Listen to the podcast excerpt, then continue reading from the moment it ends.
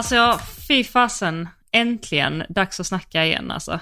Var det så länge sedan? Nej, det var inte alls länge sedan. Men jag bara kände så här. jag tänkte att jag skulle ringa dig igår också, så gjorde jag inte det. Och så blev det så här att, åh jag ville prata med Ja, Elsa, men- men så gjorde jag inte. Det var nog bra, för jag är väldigt dålig på att svara i telefon, så det var nog tur att du inte ringde. Va? Är du?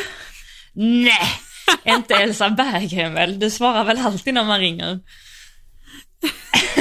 Nej fy, det är alltså... Gud, jag har så... Nej! Oj. Elsa tappar sin, sin Jag, enda jag airpod. tappade min airpod. Jag har ju bara en airpod, för jag har tappat, Ja, jag har tappat det. den andra airpodden.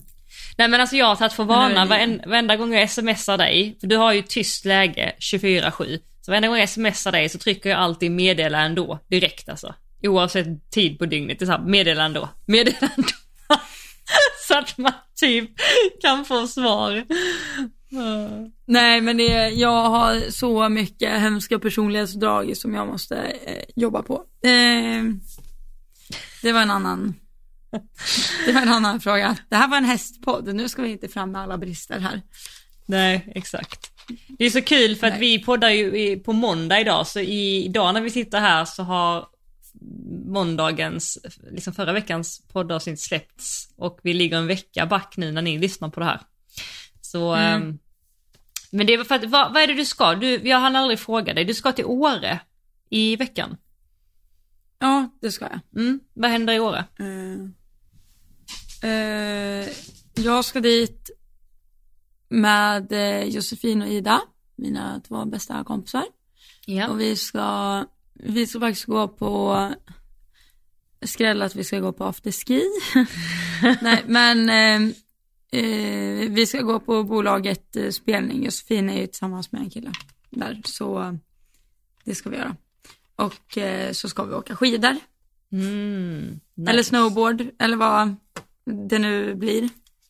Okej. Hur långt det är, är det från dig, från Falun? Ja, det är långt, Va? fick jag erfara. Sex timmar nästan. Va? Vänta, det Ja. måste innebära att Åre är typ mitt emellan oss nästan.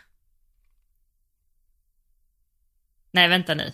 Åre... Att jag är mitt emellan Ni, dig och precis, Åre. du är mitt Mm. emellan för vi har ju nästan 6 till 7, nej 7 timmar upp till dig. Och sen så har du 6 timmar upp till, ja. Så det är nästan lika långt. Jo, men det... Ja, det skulle nog kunna stämma. För att det är lite, säm... lite sämre väg uppåt, Mm. tror jag. Ja, vägen till Östersund är spännande. Det är ju renar och grejer. Ja, just det. Ja, Har ni snö nu skämt. förresten? Alltså det står renar.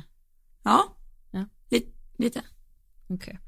Ja, det står Mm. renar längs med, jag har sett det på eh, Instagram tror jag. Ja, nej det är väldigt intressant. Ja. Nej, så dit ska vi. Ja, okej. Mm. Ja, spännande då. Ja, jag, får, jag har dock lite så här resestress. Jag inser nu att de dagarna jag har kvar i stallet är eh, Idag är det måndag, så det är tisdag, onsdag, sen är jag i Åre. Så är det lördag, söndag, måndag, tisdag, onsdag, torsdag, fredag. Jag har alltså ni, nio dagar kvar i stallet Innan du åker? innan jag åker. Ja, Hur kan det gå så fort? jag vet, det är helt sjukt. Jag fattar ingenting. Vilken veckodag landar du i USA? En söndag. En söndag. För jag flyger söndag morgon från Sverige och då landar jag lokaltid söndag lunch. Just det. Kan du påminna för eh, lyssnarna när du åker? Eh, 18 december. 18 december. Oh my god, så att eh, den veckan så kommer vi podda, vi från Florida. du och jag inte. Alltså det kommer vara så stelt att komma dit och de bara what is this? Jag bara well eh, I have a Swedish podcast eh, you know. You know. Hallå, vi har ju inte tackat våra lyssnare, alltså on cam tänkte jag säga, för Nej just det, ja, vi vann. det var ju helt sjukt. Vi vann. Och alltså jag måste ju vara lite ärlig eh, alltså, med att säga att vi gav ju upp det där lite grann. Ja, gud Alltså vi delade det en gång och sen var det så här, gud vi är lite sena på bollen, ja, ja men det kommer ett till år, vi, ja. Så vi liksom, alltså som man säga, visste folk ens att vi var nominerade? Ja, men ty, Visste alltså, alla det? exakt vad det är min feeling också. Eh, Men, eller är det något man har koll på? Ja men tydligen, alltså det är helt sjukt att vi vann över Nej, ändå helt stora sjukt, poddar. helt Alltså, sjukt.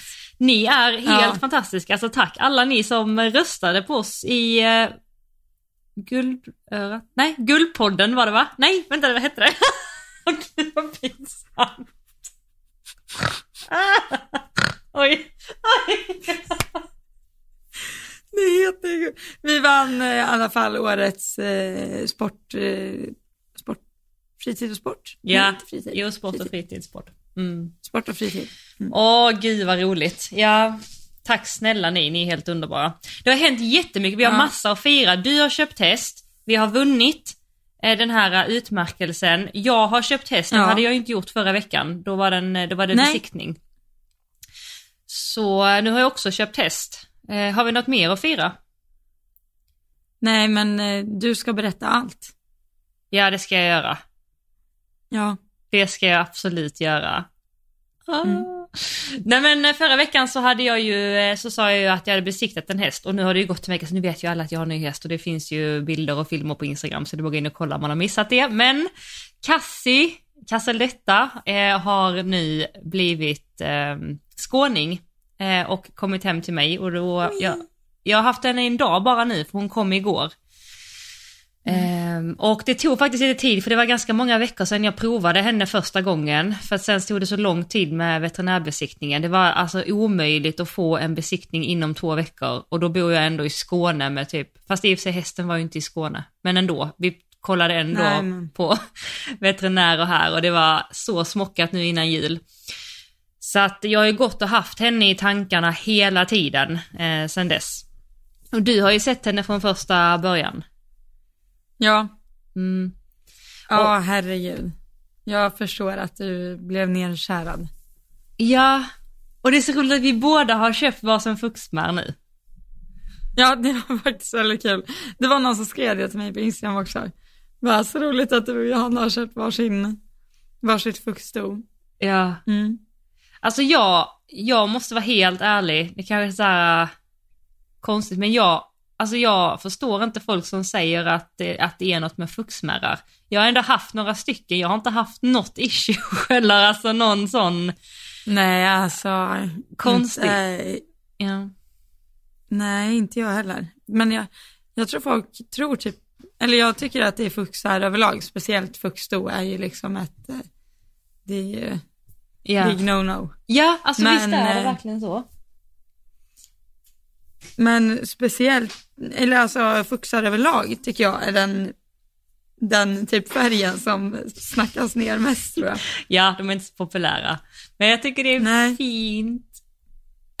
Ja, hon är, jätte, hon är jättefin. Ja, och din också. Men jag tycker Fluxa faktiskt är väldigt fint. Men, eh, men i alla fall, jag fick, eh, jag såg henne på video. Hon är ju väldigt, hon är fem år, men hon blir inriden i år.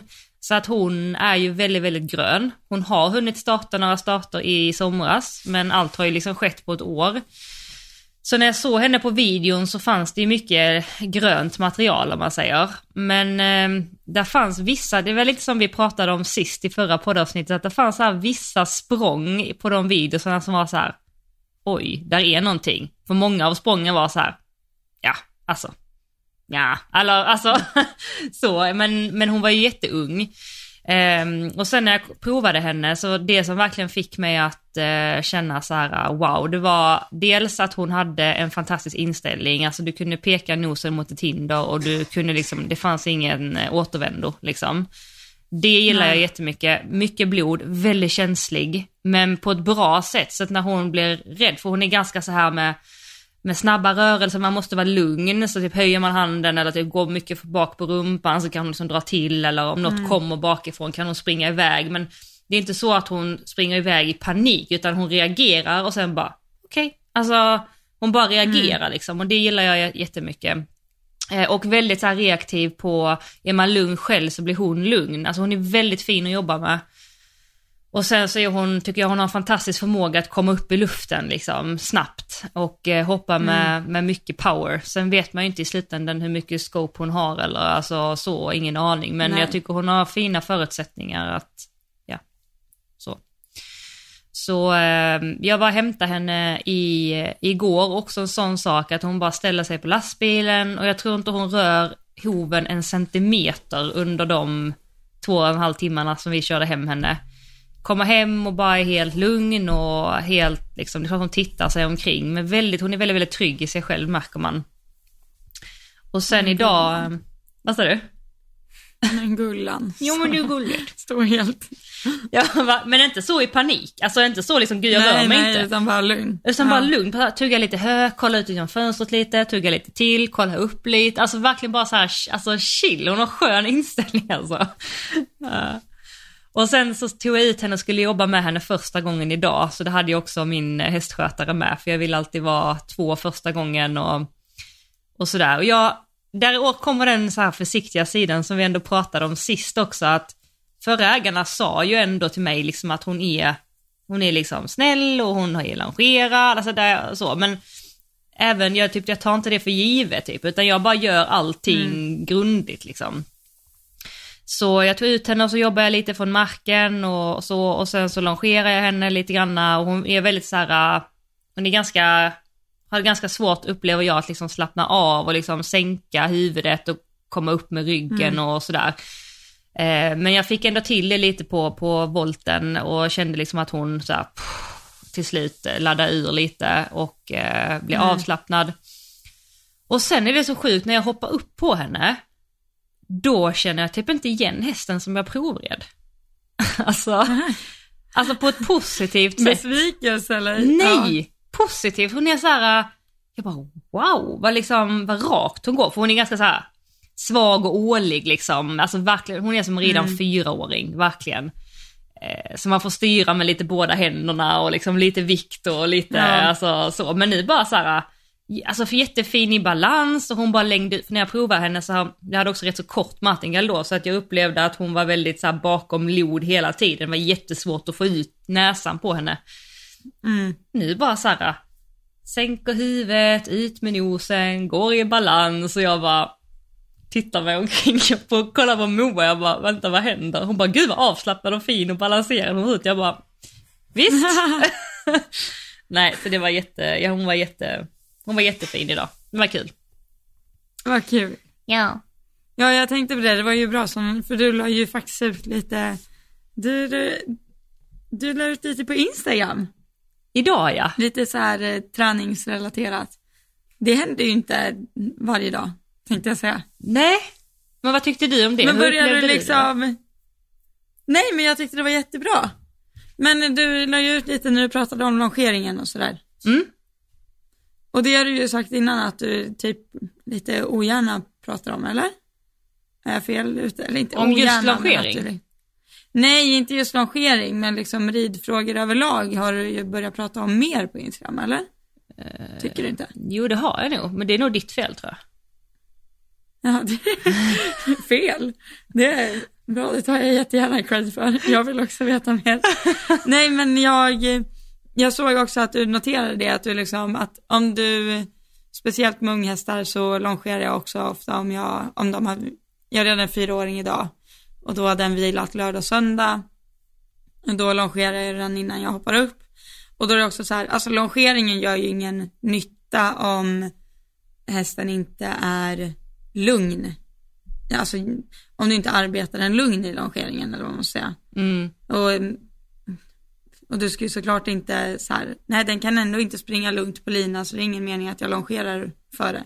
Utan jag tycker att, eh, alltså longerar hästarna gör man ju innan man rider in dem och det är någonstans så brukar jag tänka en så här, en trappstegsmodell, alltså, alltså oavsett hur gammal hästen är så måste det alltid gå att backa tillbaka till något. Mm. Om den till exempel är lite mer spicy en dag till en annan, då måste det finnas ett så här enklare steg att göra före det man har tänkt göra. Mm. Som idag nu är att den, så anade jag ju att den här hästen skulle vara lite het och då tänkte jag att ja men då longerar jag den först och då var hon ju lite pigg på lina först, sprang liksom utåtställd och eh, kolla lite i något hörn. Men då liksom longerade jag ju henne tills hon sänkte huvudet, frustade, när jag kände så här, ja ah, nu har hon ju pyst ur luften liksom. Mm, mm, Om man tänker att hon var lite som en ballong innan. mm. Så uh, bara var hon lugn. Och då kan man hoppa upp. Men eh, det slår mig ganska ofta hur eh, svårt vissa har att longera sina hästar.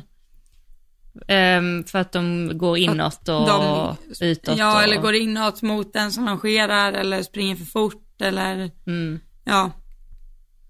Eller du har inte varit med om det? Eller, Jo, jag har varit- Eller varit, haft någon häst som, Jo, det har jag absolut. Jo, det har jag.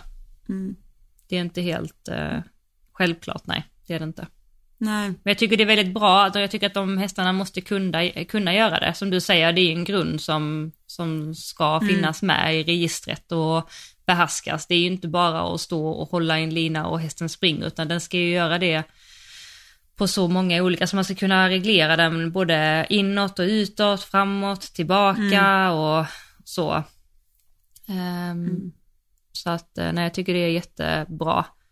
Jag tycker också det är så nice typ när man langerar hästarna utan någon inspänning eller sådär och bara har eh, typ, jag brukar ha eh, linan över eh, nacken och sådär. Ehm, så upplever jag att när man, eh, jag tror också jag läste det här i en bok, men jag tror Efke lärde mig det här. Mm, alla kanske gör det här redan, det vet jag inte, men eh, när de, när de går på linan, att man liksom gör en liten rejäl inåtställning. Så att du sätter dem, du, du sätter dem nästan lite, lite ur balans blir det. För att du, du tar huvudet, liksom, du ställer in ganska, inte hårt, alltså nej, men en rejäl inåtställning. Och sen så liksom, i, du måste liksom ha känslan för, du kan inte bara dra, utan du drar och så lättar du lite grann. Och i lättandet så eh, lägger du på liksom skänken tänkte jag säga. lite framåt, Framåtdriv, framåtdrift. ja, precis. Då får du liksom den här, äh, att de, de vill söka sig framåt och neråt. Och så gör du det liksom hela tiden, tar, lättar, framåt, tar, lättar, framåt. Och då upplever jag att hästarna väldigt så här, äh, naturligt vill sänka sig och så rundar man dem lite grann i kroppen och inte i kroppen kanske man inte gör, mer kanske i halsen men lite lite i kroppen. Ehm, och det tycker jag är så himla en bra teknik. Mm. Gör du någonting sånt eller? Ja, jag håller med. Nej, alltså min eh, regel egentligen är väl att hästen alltid ska gå liksom light inåtställd, eller vad man säger. Mm. Eller ibland eh, bara för att raka till volten så att de inte blir snurriga eller vad man säger. Så kan man ju byta voltspår och ta några steg lite framåt. Men generellt att jag vill ju aldrig att hästen kollar utåt från volten och liksom tappar fokus på mig. Nej. Det blir ju helt, det blir farligt liksom. Exakt. Och det är att, eh, och sen har jag en nolltolerans för att de ska bocka iväg. Ja. Då tar jag in dem till mig helt eller halvt och börjar om mer eller mindre liksom. Ja. Så eh, de fattar att det inte fine att eh, bocka på linan liksom. Ja. Eller eh, dra iväg på linan.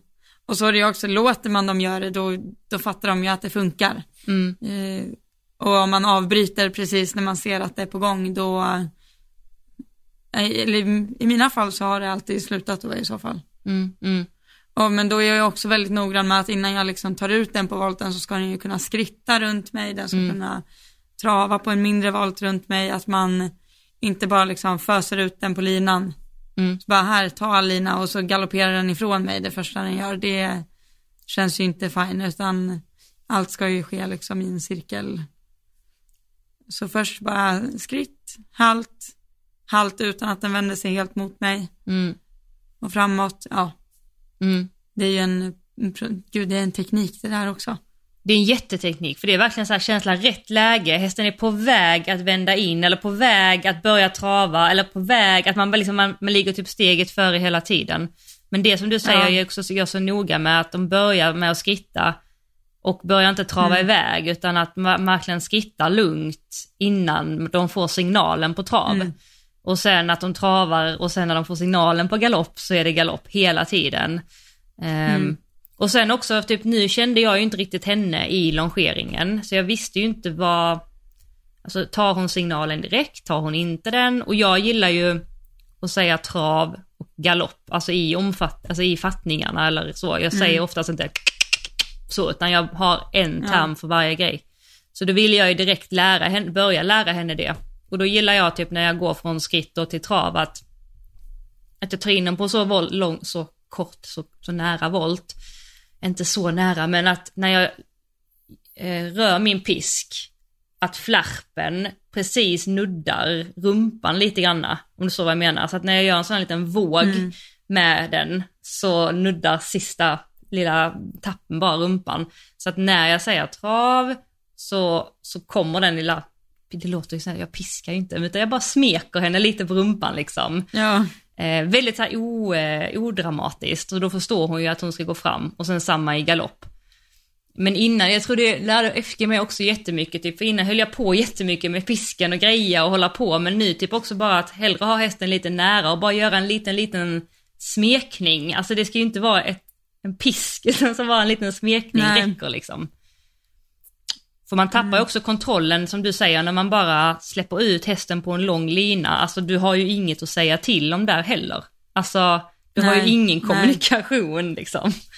Om inte du har en jättedresserad häst såklart som du har världens bästa liksom, nej, kommunikation med. ja.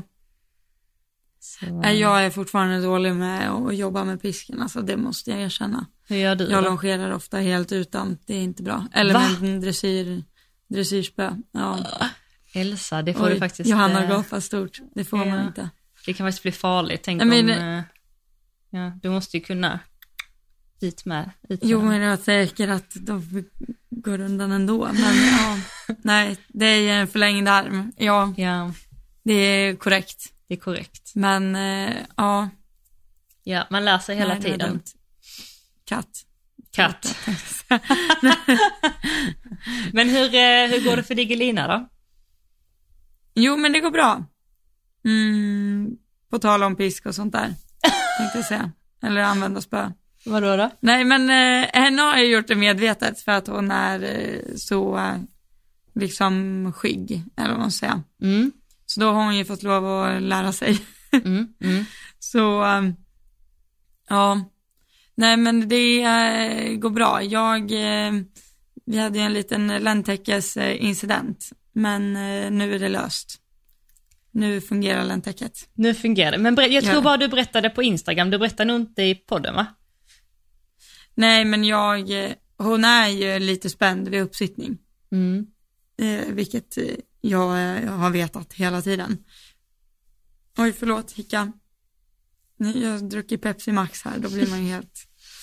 Ja, men... Eh, nej, men det var väl också därför jag fick ha henne på prov, för att hon är, har haft historia med sadeltvång liksom. Mm. Så eh, det var ju ett litet mission i början men gick eh, väldigt bra.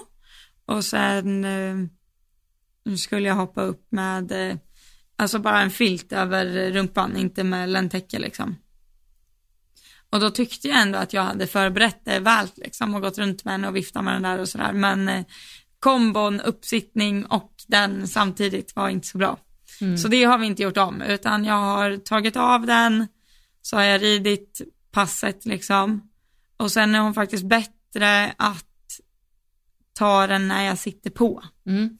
Så jag har hängt den på ett hinderstöd och sen har jag liksom gått fram till hinderstödet, lyft lite på den här och sen Mm. lämnat och så gått tillbaka och så kanske hållit i den och hängt ifrån den och så har jag ju hållit på sådär fram och tillbaka 70-11 000 gånger tills hon är lugn och då lägger jag den över sadeln framför mig liksom. Mm. Och så hänger jag ifrån den och så tar jag den igen och så hänger jag den framför mig och så håller jag den lite utåt. Alltså jag tycker sånt här är lite kul. Mm. Så, eh, så där har jag hållit på. Tills jag till slut typ svingade den runt huvudet på mig kändes det som. Och hon var lugn. Och då började jag lägga den liksom lite halvt på rumpan. För jag tror också det var det att hon, hon gillar inte när det liksom, speciellt när de är klippta. Så, så drar ju täcket, Ja. är du med? Ja. Så det är ju inte bara det, för hon är väldigt snäll egentligen att ta av sig jackan på. Mm. Det var nog mer det att det liksom Hur det drog med kändes. täcket. Mm. Precis. Så jag har ju hållit den lite på rumpan och så gått några steg och stannat och så dragit i den liksom mot hårs. Mm. Eh, och sådär. Men eh, nu har det funkat. Jag har bara ridit med läntäcket i skritt dock, men eh, av och påtagning funkar väldigt bra. Mm. Bra. Så får vi se hur det blir med, om när det fladdrar liksom. Mm. Exakt. Men jag har ju något som är väldigt eh, kort, som bara är som en liten stjärtlapp. Så hon får ha det. hon får ha det först. Ja men du vet som verkligen bara täcker länden. Du vet ett sånt här ländtäcke från 1800-talet. Lite som de här korta schabraken man körde på förut, fast ländtäcke. Just det, okej. Ja men vad bra, processen är igång alltså. Ja, Ja. men det går bra. Hon ska få bakskor imorgon. Så då är vi på G. Ah. Så hon har Ja, varit utan bakskor, men hon är lite låg i trakterna. Så hon ska få ett par bakskor så hon får lite hjälp. Okej. Ja, Mm. klokt. Men eh, Cassie är också helt oskodd faktiskt. Hon har gått helt oskodd. Mm. Eh, eller hon har haft skor och sen så tog de av skorna för att hon har väldigt, väldigt bra hovar. Så vi tänkte faktiskt också att vi skulle eh, behålla henne så.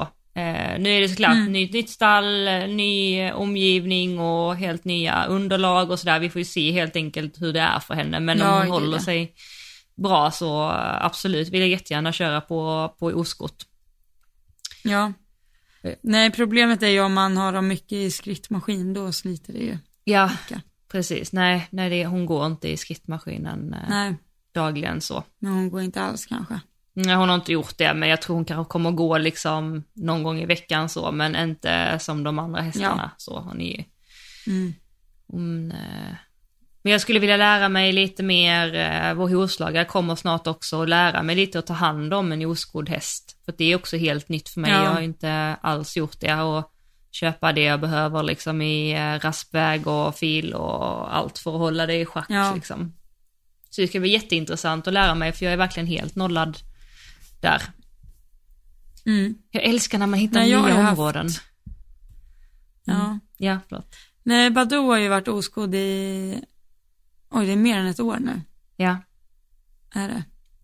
Men det funkar bra. ja. Dock står jag i valet och kvalet nu att eh, sätta på skor när jag åker bort. Vadå då? Så, eh, nej men för, så han kan ha sulor och brodd hela tiden. Ah, just det, ni har ju det också. så. Mm, jag vet. Men du hade lite Så- scootboost på honom också?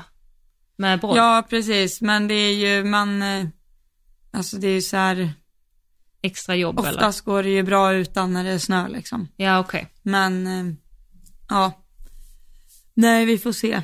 Jag är, oh, ja det är jobbigt. Då är det ju det här, jag vet liksom inte hur mycket hovarna går sönder då av det. Att om man sätter liksom söm en gång, hur mycket det sliter, när då den delen, om hovarna ner. då går sönder, för det gjorde de ju i början. När Mm. den eh, liksom delen där sömmen hade suttit, när den kom ner så Mm. gick ju hovväggen sönder. Mm. Det är det. För det är det, det jag skulle det- fråga, för det är ju alltid en inkörning. Alltså när man drar av skorna, dels att de blir lite kanske Ja. ömma och sen tills att hålen är borta. Det tar ju lite tid alltså. Ja, alltså jag vill ju mig tro att de flesta, alltså nu är det ju, det är ju genetiskt om man har bra hovkvalitet eller ej, men man kan ju inte bedöma en normalt sett skodd häst på hur den är oskodd efter två veckor, det räcker ju liksom nej, inte. gud nej. Utan den behöver ju tid att liksom eh, återställa sig eller vad man ska säga. Ja, visst. Eh, för, ja, för speciellt, eller sulan och allting blir ju liksom mycket svagare av en, av en sko som hela tiden hjälper till och stöttar upp, eller till och med de som har sular hela tiden också. Gud Då ja. är det ju klart att hästens egna sula liksom inte alls har samma kvalitet, Precis. i och med att den inte behöver det. Precis. Jag brukar tänka det så här, eh, folks händer om man rider med eller utan handskar, det känns ju. Nej men alltså i princip, eh, det är ju, nu var det en dålig jämförelse, men eh, ändå lite lika att det är, alltså hästen rustar ju sig för det slitaget den är med om liksom, Ja, kan man ju säga. ja visst. Eller hoven. Att de blir ömma eller lite halta eller sådär efter man drar av skorna är ju bara helt naturligt och kan, som du säger kan vara det en lång Mm. tid. Jag vet Safira när vi drog av skorna på henne och då skulle, då skulle jag inte ens rida henne, det var ju när jag hade liksom pensionerat henne och sådär. Alltså hon var ju, Ja. hon var ju halt lilla gumman. Men eh, det är hon ju inte längre. alltså, och då gick hon liksom i en fin Ja. gräshage och var ändå liksom, aj aj. så, Nej, gumman. Så, Nej men vadå, han går ju på grusväg så här, baram, baram. Ja. det, men det gjorde han ju absolut inte i början. nej, hur långt det tog det för vadå? på... Oj. Det var ju också på vintern.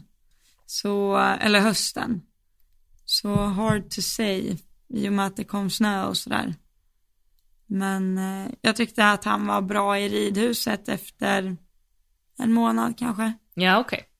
Mm. Så tyckte jag att det var helt som vanligt. Och jag hade en till häst eh, då som jag också tog av skorna på. Och han blev ju bättre direkt typ. Mm. Alltså, eller jag upplevde honom bättre.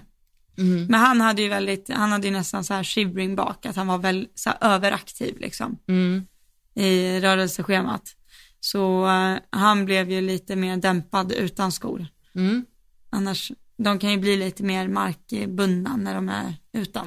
Exakt. Alltså det är så Mm. intressant för jag har ju varit inne på om jag skulle testa och, och sådär. Men så snackade jag Ja. lite med min hovslagare så sa han att det vi skulle kunna göra är att sätta på eh, aluminiumskor bara som en övergång så att du ser också för att där bara den lilla delen att gå från en järnsko till en aluminiumsko påverkar ju hästens rörelsemönster. Såklart mer eller mindre beroende på. Och det är så intressant så börjar jag med Kalle. Jag tror jag sa det till dig va? Mm. Ja. Han är Eh, ju väldigt luftig. han är väldigt luftig. Alltså man vill ju att han ska dämpa sig i sina rörelsemönster, både i trav och i galopp. Och jag upplever ju nu att han är mycket mer eh, markbunden. Inte som att om han var oskodd, men man kan se att hans galopp har liksom försämrats kan man säga så, Nej, men liksom att, den, att den inte är lika luftig liksom. Ja. Så Nej men det är ju lite roligt, man vill ju alltid, eller alltid och alltid, man pratar ju ofta om att man vill ha mer svung och liksom mer rörelse Mm. och så här, men eh, om, eh, alltså hopphästar ska ju vara, de- det ska ju smälla av när de hoppar, de ska inte lägga energin på att röra sig jättestort liksom. nej, Det sparar ju tid att vara närmare marken. exakt. Precis. Mm. Ja, det är intressant det där. Men jag tänker det också om, eh, alltså, om hästen naturligt rör sig mindre utan skor, då måste den ju liksom, då lär man ju ta fram något lite onaturligt i den när man sätter på skor. Mm.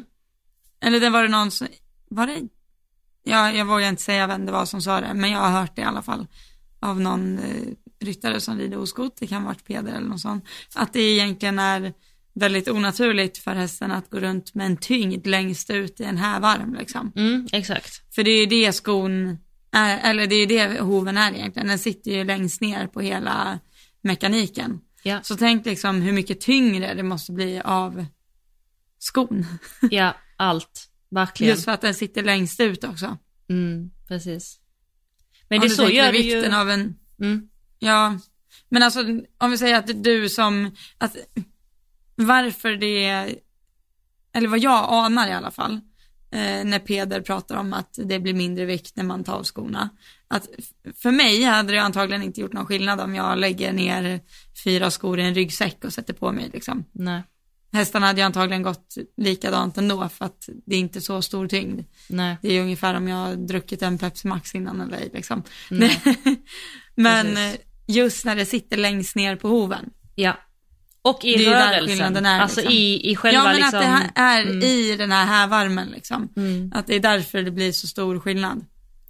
Jag fick göra Ja. det med min hovslagare. Han band en järnsko och en eh, aluminiumsko i varsitt grimskaft. Och så fick jag liksom snurra dem så här. Och känna Mm. hur, liksom, när den kom i rörelse, hur otroligt mycket tyngre det blev på järnskon.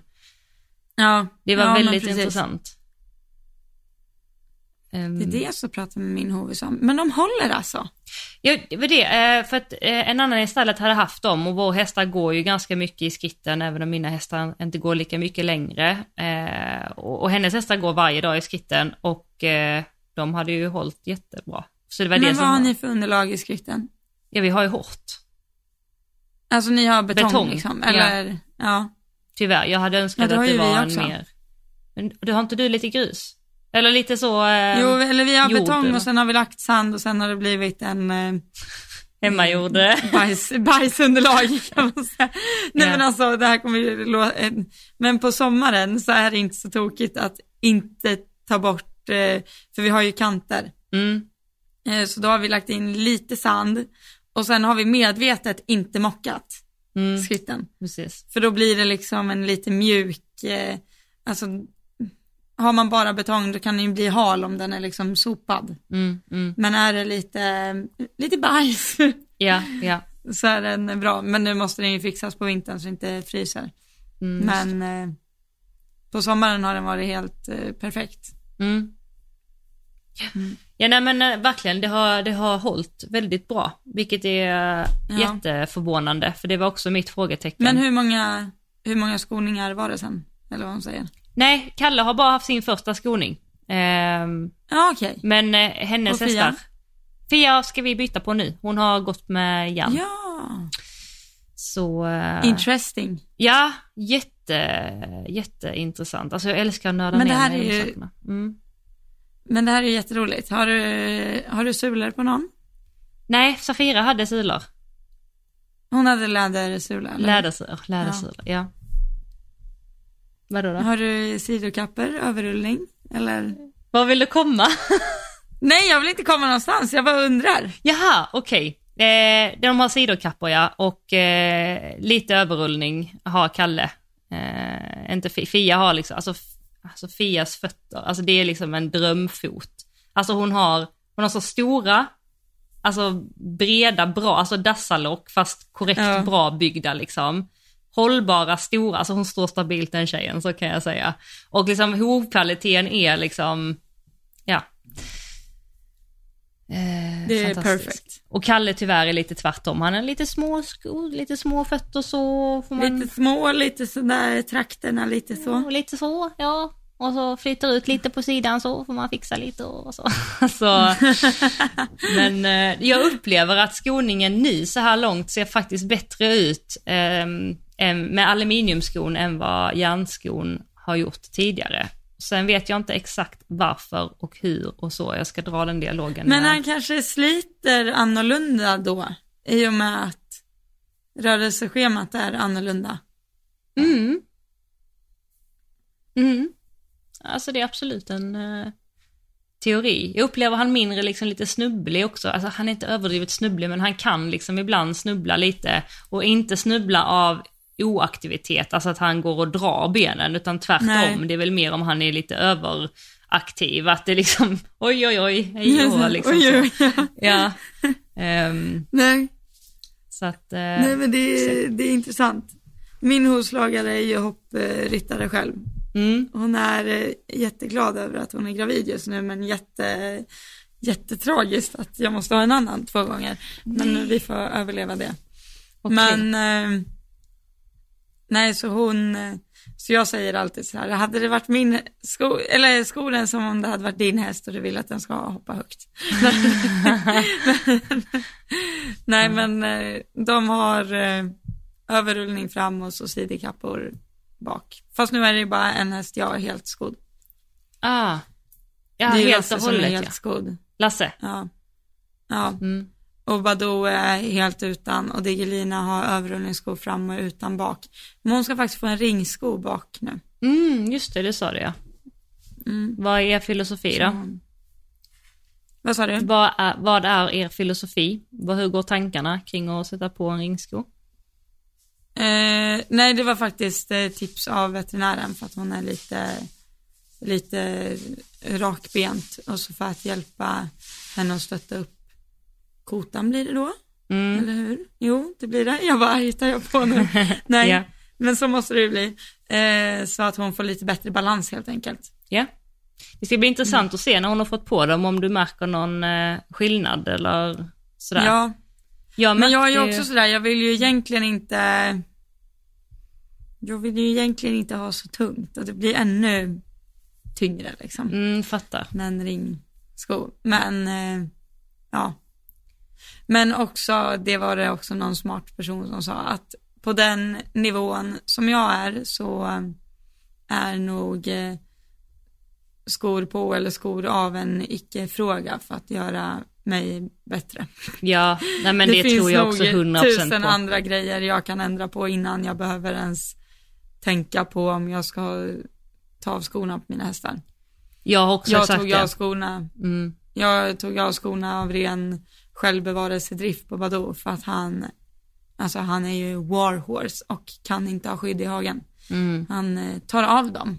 Ja, ja. Mm. Och lindar man så tar man, tar han tag i padden på lindan och så drar han och biter i den tills den är sönder och springer runt med linda efter sig i hagen. Ja. Och skydd, alltså det spelar ingen roll om jag sätter dem upp och ner eller bak och fram med knäpparna framåt, alltså han får av dem ändå. Ja. Annars kan det ju vara ganska bra att sätta på fel ben för då blir det väldigt onaturligt för dem att Ja, sant. dra upp knäppet på skyddet. Mm. Eh, men eh, nej, så han eh, har vi sytt två gånger tror jag. Oj, okej. Vad gör han i han har- hagen? Eh, det undrar jag också. för att han är ju inte liksom, det är inte så att han springer runt hejvilt. Nej. Utan han är ju lugn, det sa jag ju till dig innan nu också, att han går ju liksom längre bort än de andra till och med. Mm, mm. Men just för att han inte, alltså om någon racear så ska han inte kunna hänga med liksom. Mm, precis. Och han är jättelugn när man går och hämtar han liksom. Men och så bara, ja nej, då var det tre, fjärde benet helt rött. Så här. Åh, Det är ju inte en gång det har hänt. Så um, det är därför jag tog av skorna från början, för att han inte ska kunna gilla sig. Ja, fattar. Det var inte för att du skulle kunna hoppa 1,20 på honom. Nej, det var inte för att liksom, eh, det var inte, ja så här, nu jävlar. Nej men jag tror att kommer man upp, alltså så länge, jag har också tänkt lite så, så länge, när jag rider jag liksom lite 1,40, 1,45 eh, och liksom så och, och då kan jag börja tänka lite grann på om det liksom skulle kunna göra något eller sådär. Jag tror som du säger, man har så mycket andra saker att tänka på fram tills dess och göra bättre för både sig själv och hästarna och tillsammans att det blir, det blir inte så stor Jo, alltså skillnad. jag kan nog lägga den tiden på rakriktning istället tänkte jag säga. Det skulle jag också kunna Eller göra. något sånt. Ja. Verkligen.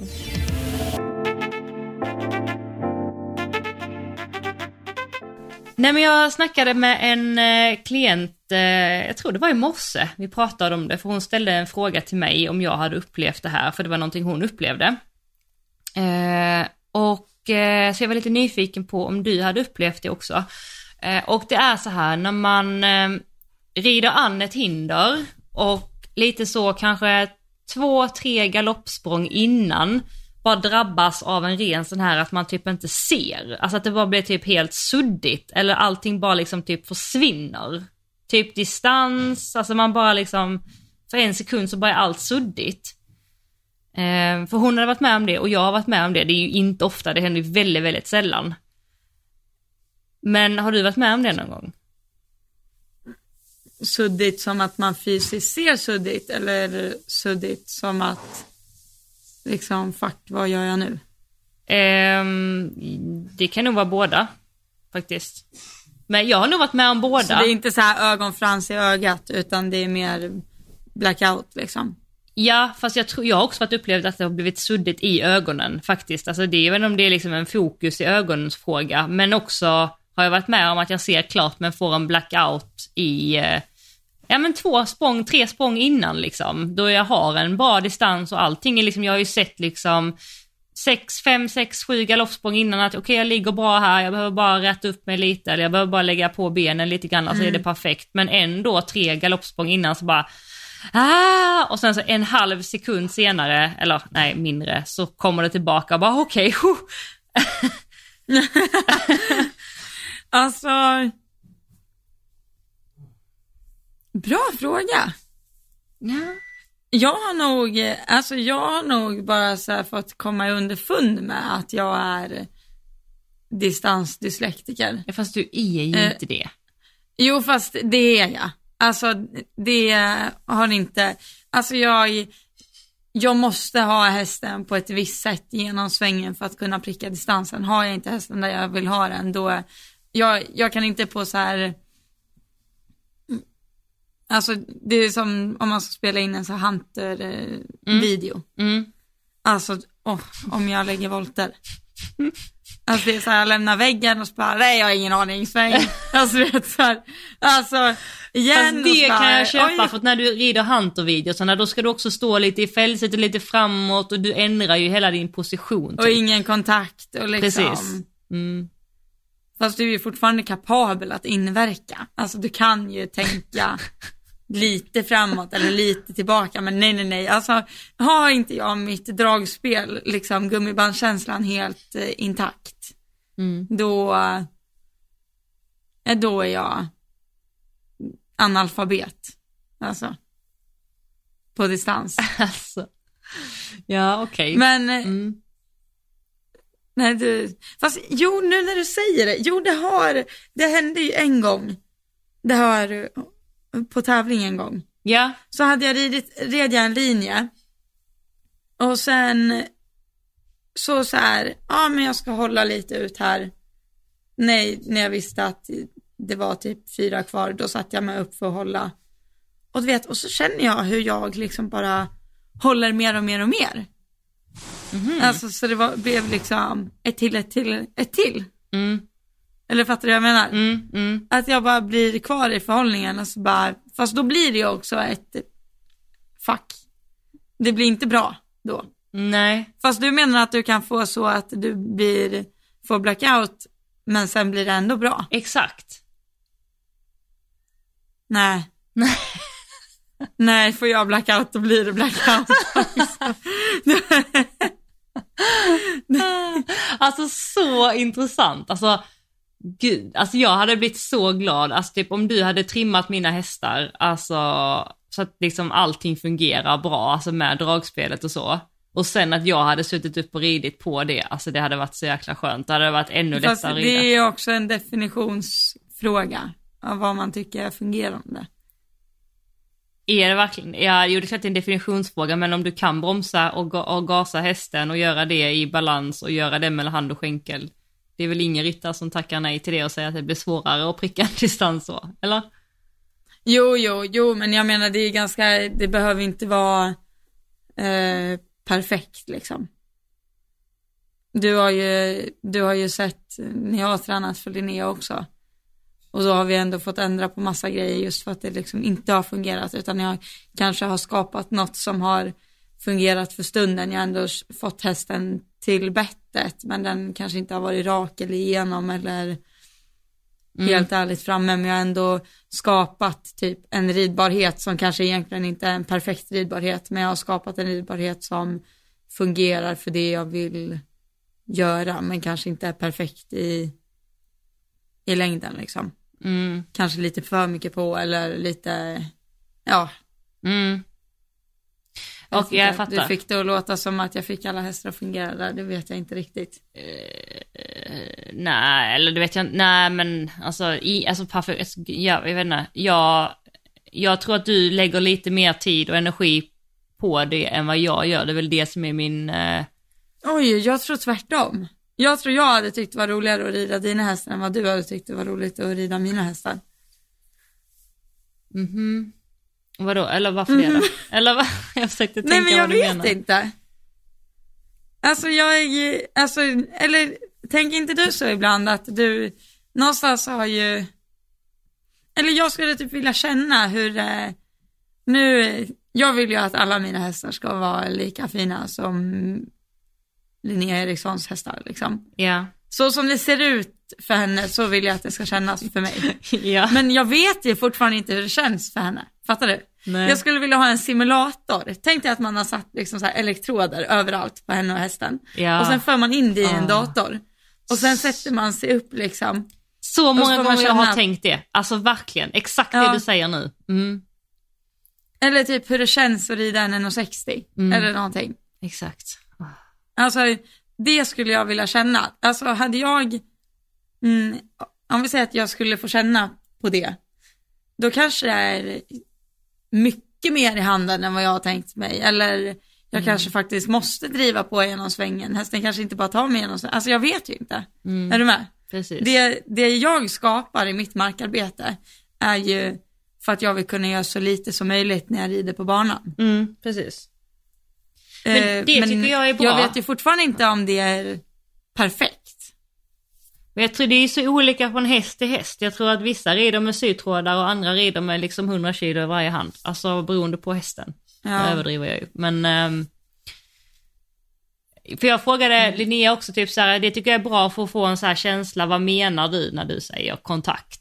Alltså typ så. Och då bad jag henne, du vet som du, jag visade dig hur stark Fia var, att jag tog i dina händer. Alltså så att du får en upplevelse av hur det känns och så bad jag henne göra det med mig också. Och det tycker jag är bra, att man kan be sin tränare eller så. Och hur, hur mycket kontakt har du när du rider min häst? Eller hur mycket kontakt har du? Så att man får en liten upplevelse genom att ta i varandras lillfingrar typ. Eller typ så här lägga en hand på, ehm, alltså med vaden, alltså vid skänken. Hur mycket tryck har du ifrån skänken? Och hur liksom, eller förstår du hur jag menar? Att man visar med kroppen. Men jag, vad jag menar är att eh, jag tror att du kanske lägger mer tid, för jag, jag gör ju så smått hela tiden. Alltså jag, jag överdriver ju typ aldrig så mycket, typ så att jag behöver typ aldrig hänga mig i munnen och bara ah, jag ligger jättenära eller kroka i som en galning. Alltså det måste jag göra kanske ibland om det är en akut situation och då gör jag det. Men det är ju inte min bas, utan min bas är ju verkligen Förlåt. Tänkte på, jag tänkte på så. sa du? Jag tänkte på att, att jag, när jag hoppade i Helsingborg, så i 1.25 eller 1.20 eller någonting där, så har Linnea varit på mig som fan att jag måste landa, galoppera, jag måste våga inverka, jag måste liksom göra jobbet liksom. Och så kommer jag ut och så skickar jag videon och innan jag skickar så jag bara, det här var bra men jag rör mig så mycket, kolla jag drar liksom händerna flyger överallt och så här. Och hon bara, Alltså hon bara, vad är det du pratar om? Hon bara, du måste skicka printscreena vad du menar att du rör dig, för jag kan inte se hur mycket jag än tittar var du rör dig. så jag bara, där och så skickar jag printscreen. Hon bara, men du ska, det, meningen är ju inte att du ska sitta som en staty. Alltså det är inte det som ska vara målet liksom. Och så skrattar jag nu när jag tänker på att jag ibland tänker mig själv som att en staty, men det kan jag ju inte vara såklart. Men men jag gör ju allting, jag typ så ser ganska långt ifrån hindret var jag typ ligger. Och så gör jag liksom lite, lite så framåt eller lite, lite tillbaka. Så att mina hästar är ju vana vid att det liksom så här sker lite gradvis så här. Och det är det jag tränar på med Kalle nu. Och jag gör jättemycket de här linjerna som jag la upp på Instagram också, det här att lägga en bom och så lägger jag typ 13 meter eller 15 meter, eller man kan leka hur som helst, bom och sen så 15 meter till. Där man typ kan rida eh, fyra lite fram och sen se tillbaka på fem eller tvärtom rida fem och sen fram till fyra. Så att det blir lite drastiska, alltså inom citationstecken drastiska Ja, det förändringar. där är jag precis tvärtom. Ja. Vad, berätta då. Du- Vad spännande. Nej men jag är ju så Så, här. ja, har det är det jag blivit. menar. Alltså därför det är lättare att Ja. rida en sån häst som är Alltså, riden jag så tror jag. Jag hade träningar idag och då hade jag, nu kan jag berätta hur banan gick här. Det här är lite kul. Ja. Eh, nu skulle jag kunna lägga ut på Instagram också. Eh, då var det först en snett igenom och så var det travbom upp på ett räcke som alltså man travade in och så bom före och hoppade räcket. Den kanske var en och tio som högst, räcket. Sen skulle man direkt vända höger, alltså världens omhoppningssväng på en låg men bred oxer. Sen sakta av till trav, hoppa en vattenmatta i trav, galoppera fyra språng fram till en bom, hoppa bommen ett språng lite större oxer, sakta av till trav på rakt spår, Oj! trava bommar, fatta galopp på rakt spår, hoppa ett räcke snett, alltså det är samma räcke som de travhoppade, så det hoppades ju så liksom. Mm. Sakta av på rakt spår och sen hoppa en fem och en halva bara. Jag kan lägga ut bild på det här. Alltså så kommer jäklar folk förstå vad det kändes som att Men det alltså det grejer. sker grejer hela, hela tiden. Sån träning behöver jag. Men det är ju bara, men jag kan ju hitta på sånt där. Eh, Och det är nog, alltså jag tror det är det som har gjort mig relativt duktig på markarbete för att jag, jag, jag börjar bli bättre på att, eller börja, fan det är svårt att säga eh, vad man är bra på för jag kan fortfarande inte riktigt consider my- myself som jätteduktig på markarbete men jag är väldigt duktig på att typ hitta på egna övningar. Eller förstår du vad jag menar? Mm, du är kreativ. Alltså jag kan hitta på en, eh, liksom, är jag typ inte nöjd men när jag har tävlat under helgen, Mm. då kan jag galoppera fram banan som jag har tävlat. Är du med? Okej. Ja. Ja, det låter helt sjukt. Nej, men nej, nej, nej, Om det är inte. någon sväng jag inte är nöjd med så liksom, jag hoppar ettan och sen hoppar jag tvåan och så är det lite linje där och så måste jag rida fram eh, i början av snett igenom och rida ihop i slutet av snett igenom och sen rida fram genom hörnet. Mm. Alltså, ja, Men det är jättebra tycker jag. Det du säger där, det brukar jag också göra. Inte kopplat till om det har varit någon tävling, men jag brukar visualisera låtsashinder i ridhuset. Och så låtsar jag att Ja. om ett hinder stod här, hur hade jag ridit då? Om jag skulle rida fem lite tillbaka här, hur hade jag ridit det? Och så rider man banan så. Det tycker jag är bra. ja. Nej men det är, alltså det är komiskt för nu säger jag ju att det hela tiden är så men samtidigt, samtidigt så finns det ibland gånger där jag typ följer fyrkantsspåret ett helt pass liksom. Ja men vadå, det, måste det ena utesluta den andra då? Nej nej absolut inte men eh, det, jag fick det att låta som det. Jaha, du menar så. Men Ja. jag kan ju också rida en hel träning och bara rulla på en åtta över liksom räcke också, räcke också, så här. Mm, Bara för att få liksom flowet. mm. Men, eh, ja. Nej, jag vet inte. Det Men vi intressant. måste ju rida varandras hästar alltså. Vet- Nej, du får inte, jag vågar inte Alltså snacka bra content till podden alltså. Jag vågar Ja, inte det- heller. Vågar inte du heller? Eller? Nej, jag, nej fy fan. Det är bara, hej, efter min upplevelse så kommer jag tyvärr inte vilja fortsätta podda med dig. Ja men sluta. Herregud, nej. Men jag tror var- att vi nu hade... lite, Vad sa du?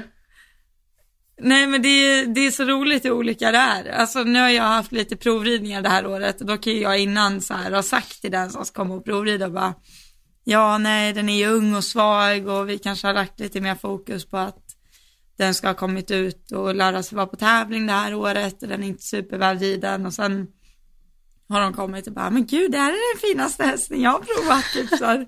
Jag bara, jaha, men det är ju alltså, Man har så olika referensramar ja. men jag vet inte om du skulle tycka det, alltså, nej jag vet inte.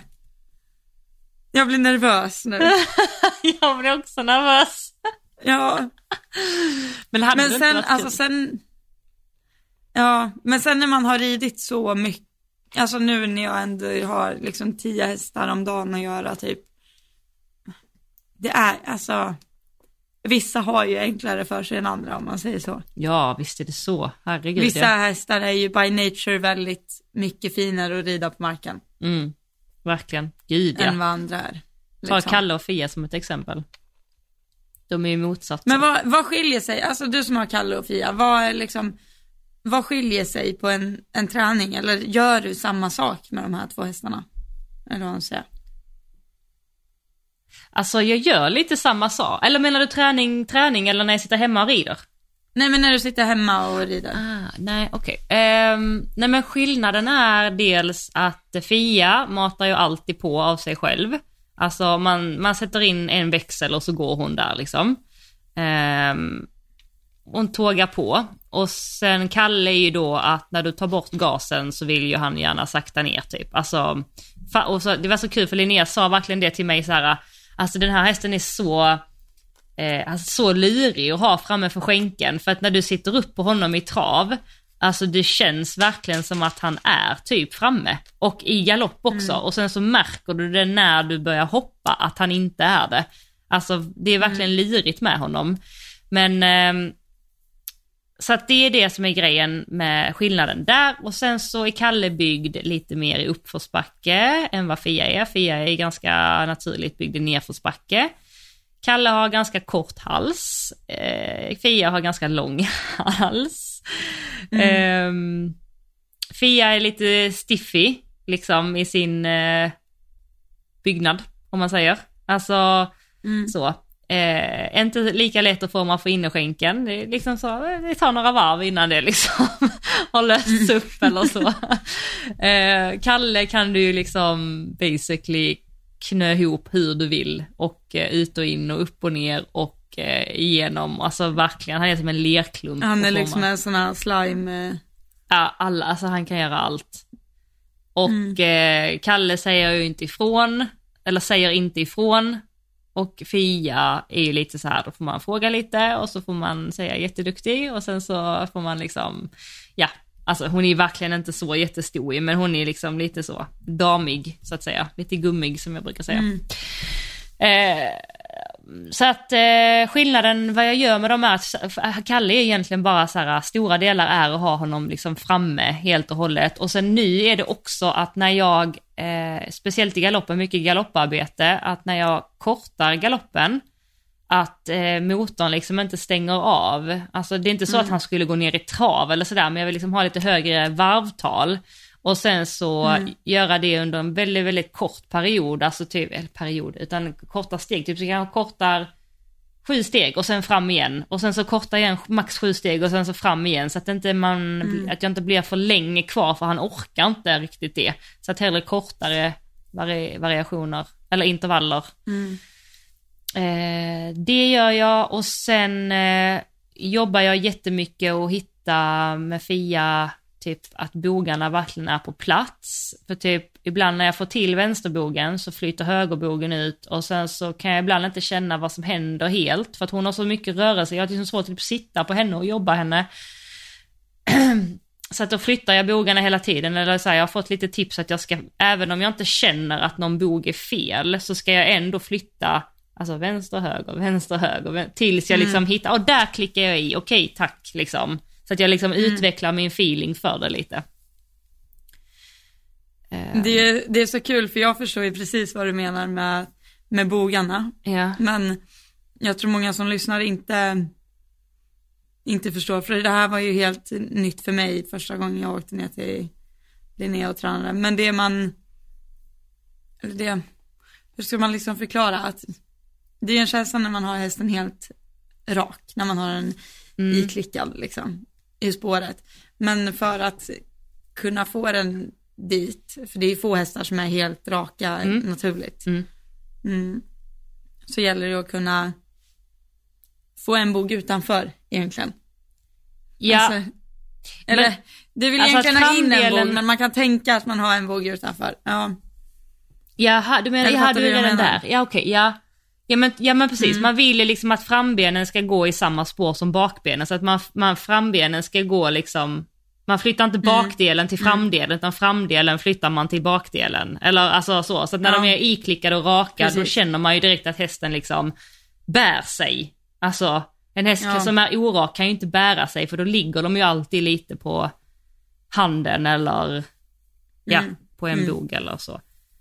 Ja men som du, ja, du, men, ja, du menar liksom tillvägagångssättet att man tänker att en bogar utanför? Ja men precis. Mm. Eller om du tänker att du, om du tänker att du rider på en volt undan vänster skänkel. Mm. Eh, och du rider i, i vänstervarv mm. på en volt. Och så ställer du hästen inåt. Då mm. naturligt när du ställer den inåt så kommer den ju vilja falla ut med högerbogen. Mm, mm. Och då för att få in högerbogen. En, en väl fungerande häst ska det räcka och krama på högertygen så ska den ju bara så mm, mm. komma in och så ska ju volten bli mindre och den ska sätta sig lite på bakbenen och du ska den naturligt samla sig lite men det är ganska få hästar det här fungerar liksom perfekt på. Då kan man ju nästan ställa lite utåt, utåt. på volten så kommer man ju känna vilken big difference det kommer bli. Mm, precis. Att de, för då får du ju verkligen in bogen. Men det här ska ju sitta i, i vänsterställning. I vänsterställning, ja precis. Ja, Det är det som är så Men- Mm. svårt, att, att hålla vänsterställningen och flytta högerbogen samtidigt. Alltså att liksom, Mm.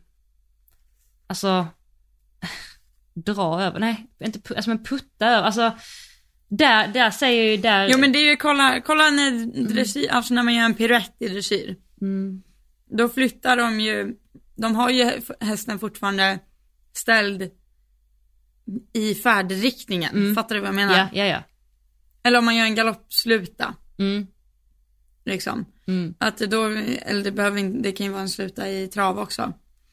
Att eh, om du gör en, eh,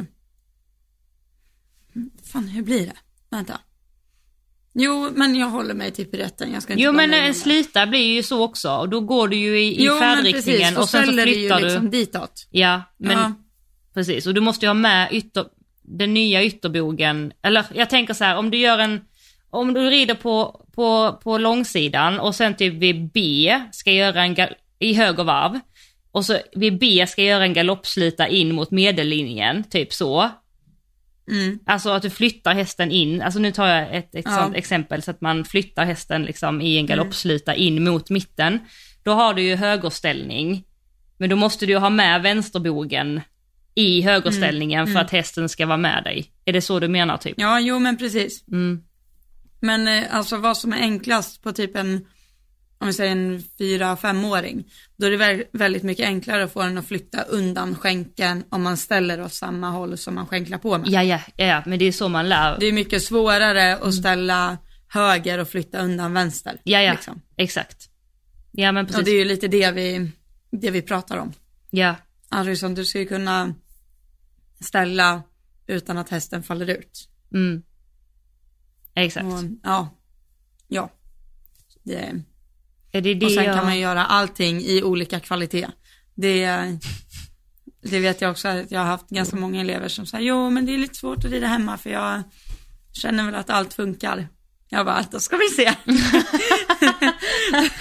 Då ska vi se. Då ska vi se att det är liksom att eh, hur bra någonting är så är det ju fortfarande liksom någonstans måste ju hålhaken sitta för att du inte kan rida 1,60 idag liksom. Mm. Exakt. Kvaliteten kanske inte är 110 procent, även om allt funkar så går det ju alltid att liksom ha lite mera svung eller mer bärighet eller eh, jag brukar säga att man så här om du, om du vill ha tio växlar då kanske du börjar med att ha trean, sexan och nian. Det Mm. kanske är dina så grund, men eh, någonstans så måste du kunna ha ettan, tvåan, trean, fyran, alltså du måste ju kunna ha koll på varje växel. Mm. Exakt. Allt, alltså en sån sak, till exempel att om du känner så här, jo men det går att samla min häst och det går att öka min, min häst. Jo men går det att liksom ha koll på varje steg däremellan? Kan du göra byten i varje steg däremellan? Kan du göra 20 meters volter på alla steglängder? Kan du göra 10 meters volter på de första fem steglängderna? Alltså man kan göra hur mycket som helst. Mm. Verkligen. Det var, mm, ja, man får vara lite påhittig helt enkelt. Ja. Vi har också verkligen eh, tagit med mig mycket att, eh, att försöka vara lite som du säger, liksom eh, rida lite intensivt, påhittigt och kreativt men i en kortare period och sen är det bra än att göra lite halvdant. För då kommer jag till träningen också, det är också det här att nu, för jag tränade förra veckan och så började jag galoppera, hon bara Ja, om du ska galoppera så här så, nej vad var det hon sa? Eh, det du gör nu har liksom ingen funktion överhuvudtaget om du ska sitta i den här galoppen. Alltså då kan vi lika bra ställa in han i boxen igen. Alltså av det du gör nu. Så jag bara, du vet sitter där och vrålskänklar bara kom igen Kalle, kom igen. Nej okej, så, okej, så var det inte men. Eh, nej men liksom verkligen så här att det ska liksom, du lär hästen och du, du tränar hästen i varje steg du gör med den. Alltså verkligen. Eh, Jo men så är det ju. Alltså det är ju bättre att rida eh, kvalitativt i tio minuter Ja. än att du rider i en timme Mm. eh, och det är fem minuter som är riktigt bra. Då är det ju bättre att du red tio minuter overall liksom. Ja, precis. Nu är det ju svårt att hinna värma upp allting på tio minuter, men eh, då får man väl eh, longera dem. nej, men, nej, men det, det var hårt sagt. Men jag, jag fattar precis vad du menar. Ja. Men det, men det där är ju jätteolika. Alltså, nu vet jag när jag har varit iväg och provjobbat lite att det är liksom vissa hästar rider, eller vissa ryttare rider deras hästar långa, låga, typ hela tiden. Mm, så lite kontakt det bara går. Andra är liksom full galopp, halt, ryggning, flytta undan, hoppa ett hinder, stanna efter, vända, hoppa igen, lägga en volt, skritta, släppa ut tygen, fatta galopp igen. Alltså vet så här, som har det väldigt genomgående i hela sitt system. Jag tänker en, en så här, den, den kompletta ryttaren egentligen borde ju vara den som har så pass bra koll på varje häst så att den hästen ska alltid ridas lång och låg. Den mm. ska ridas så här på hinder för att bli så bra som möjligt. Den här hästen ska alltid longeras innan. Mm. Den där hästen måste man hålla superaktiv hela tiden. Alltså, mm, du fattar vad jag menar. Mm. Nej, men eh, det mesta jag har sett så är att man ofta håller sitt system väldigt genomgående, vilket såklart är, så. är bra också. Det är ju jag med. Mm. Men äh, det, det är intressant. Mm. Ja men hästarna är ju individer liksom. Även ja. om alltså, systemet ska ju genomsyras, men det är ju så, vissa behöver ju lite mer än andra. Alltså har du en, en häst som är liksom trång i ryggen, det är klart att du måste rida den lång och låg 80% av tiden du rider jo. den eller 90 alltså. Jo, jo men så är det ju. Men det är bara, ja det är intressant. Är Man hade velat gjort liksom typ så här en månad på alla topp 10 i världen och bara se Ja, verkligen alltså. Se liksom vilka likheter och vilka skillnader det är. Ja, verkligen. Det hade varit helt eh, ja. magiskt. Och det kommer aldrig få reda på om inte man är i stallen. Det är ingenting, det har vi pratat Nej. om någon gång också, det är ingenting som folk, man delar inte med sig av vad som händer i stallen 24-7. Det är ingen ryttare som gör det. Alltså. Nej, det är ju ingen som gör det. Nej.